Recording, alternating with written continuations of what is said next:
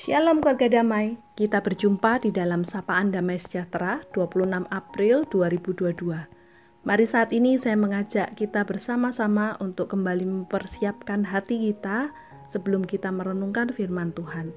Mari kita berdoa. Tuhan Allah Bapa kami, kami bersyukur jikalau pada hari ini sekali lagi kami boleh membuka hati kami akan kebenaran firman Tuhan Biarlah firman Tuhan boleh menjadi penuntun di dalam kehidupan kami yang membuat kami semakin memahami apa yang Tuhan ingin untuk kami lakukan di dalam kehidupan kami. Saat ini kami rindu Tuhan, hidup kami boleh semakin berjalan di dalam kehendak Tuhan dan kami boleh menjadi anak-anak Tuhan yang boleh hidup semakin serupa dengan Engkau.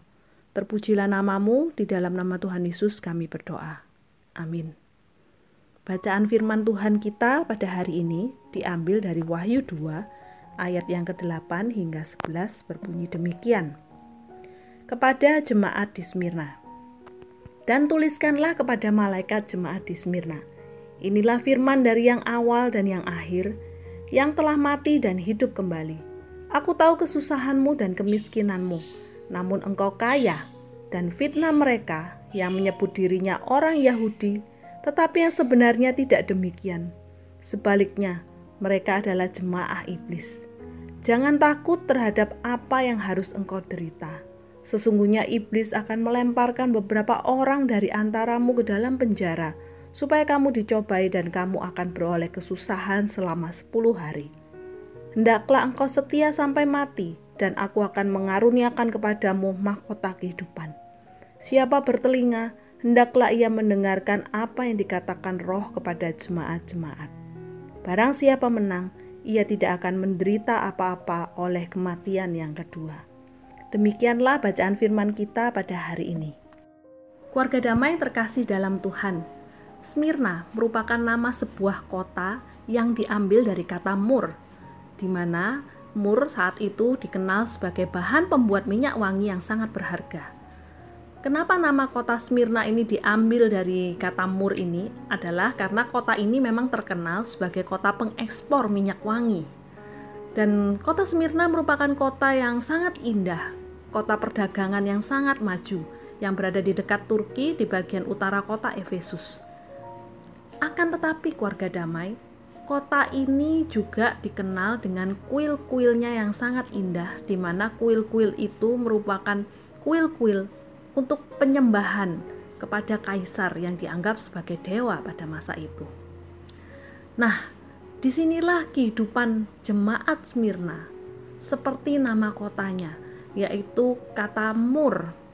Secara harafiah, mur sekalipun dia merupakan bahan pembuat minyak wangi, namun secara harafiah, mur sendiri memiliki arti kata yaitu pahit Kata pahit inilah yang mungkin cocok untuk menggambarkan kondisi jemaat Smyrna pada masa itu. Mereka mengalami kondisi yang sangat pahit. Karena apa? Sekalipun mereka berada di tengah-tengah kota Smyrna yang merupakan kota yang maju dan kota yang kaya secara ekonomi karena perdagangannya, namun justru keadaan jemaat Smyrna sendiri, bahkan secara perekonomian, kehidupan mereka sangat memprihatinkan. Mengapa demikian keluarga damai? Hal ini dikarenakan bukan karena jemaat di kota Smyrna, yaitu para pengikut Tuhan di kota Smyrna ini mereka adalah orang-orang yang malas bekerja, tetapi karena mereka adalah orang-orang yang mendapat tekanan dari pemerintah.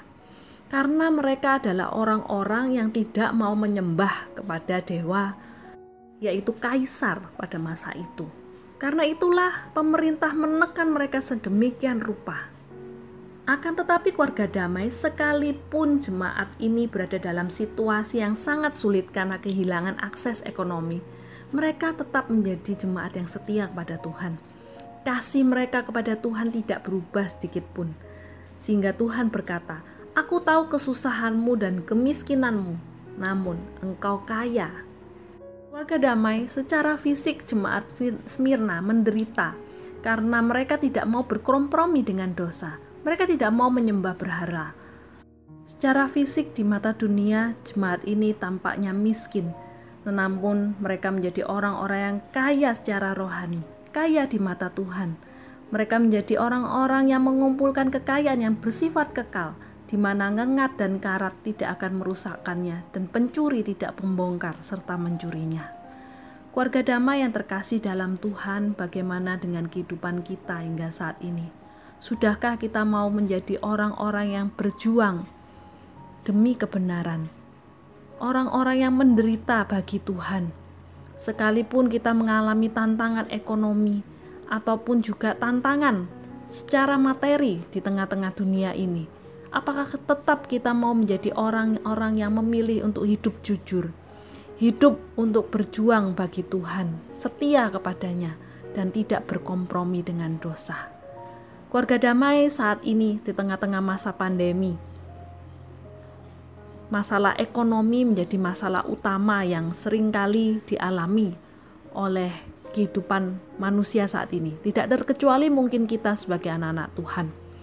Tetapi maukah kita tetap memilih untuk menjadi orang-orang yang hidup secara jujur, hidup yang tetap mempertahankan integritas dan komitmen kita sebagai anak-anak Tuhan di tengah-tengah tantangan secara ekonomi itu. Saya tidak tahu apa yang sedang menjadi tantangan terbesar Anda di dalam kehidupan Anda saat ini. Tetapi marilah melalui kehidupan jemaat Smyrna ini, kita pun juga mau belajar menjadi pengikut Tuhan yang sungguh-sungguh setia, pengikut Tuhan yang tidak berkompromi dengan dosa, sekalipun harus menghadapi tantangan dan juga penderitaan di tengah-tengah dunia. Amin. Mari kita kembali bersatu di dalam doa. Tuhan Allah Bapa kami, kami bersyukur melalui firman-Mu kami boleh diingatkan untuk kami boleh menjadi anak-anak Tuhan yang tetap setia di tengah-tengah tantangan zaman ini ya Tuhan. Sekalipun di tengah penderitaan ataupun juga masalah-masalah yang ada, biarlah kami boleh tetap menjadi anak-anak Tuhan yang mempertahankan integritas ataupun kesetiaan kami kepadamu ya Tuhan. Biarlah hidup kami sungguh-sungguh Tuhan pakai menjadi hidup yang semakin memuliakan Tuhan, karena kami tahu mana yang harta yang paling berharga, yaitu bukanlah harta yang ada di dunia ini, namun adalah harta yang ada di surga yang kami rindu, kami boleh mempersembahkan itu semua kehidupan kami untuk kemuliaan namamu saja. Terpujilah namamu Tuhan, di dalam nama Tuhan Yesus kami berdoa. Amin.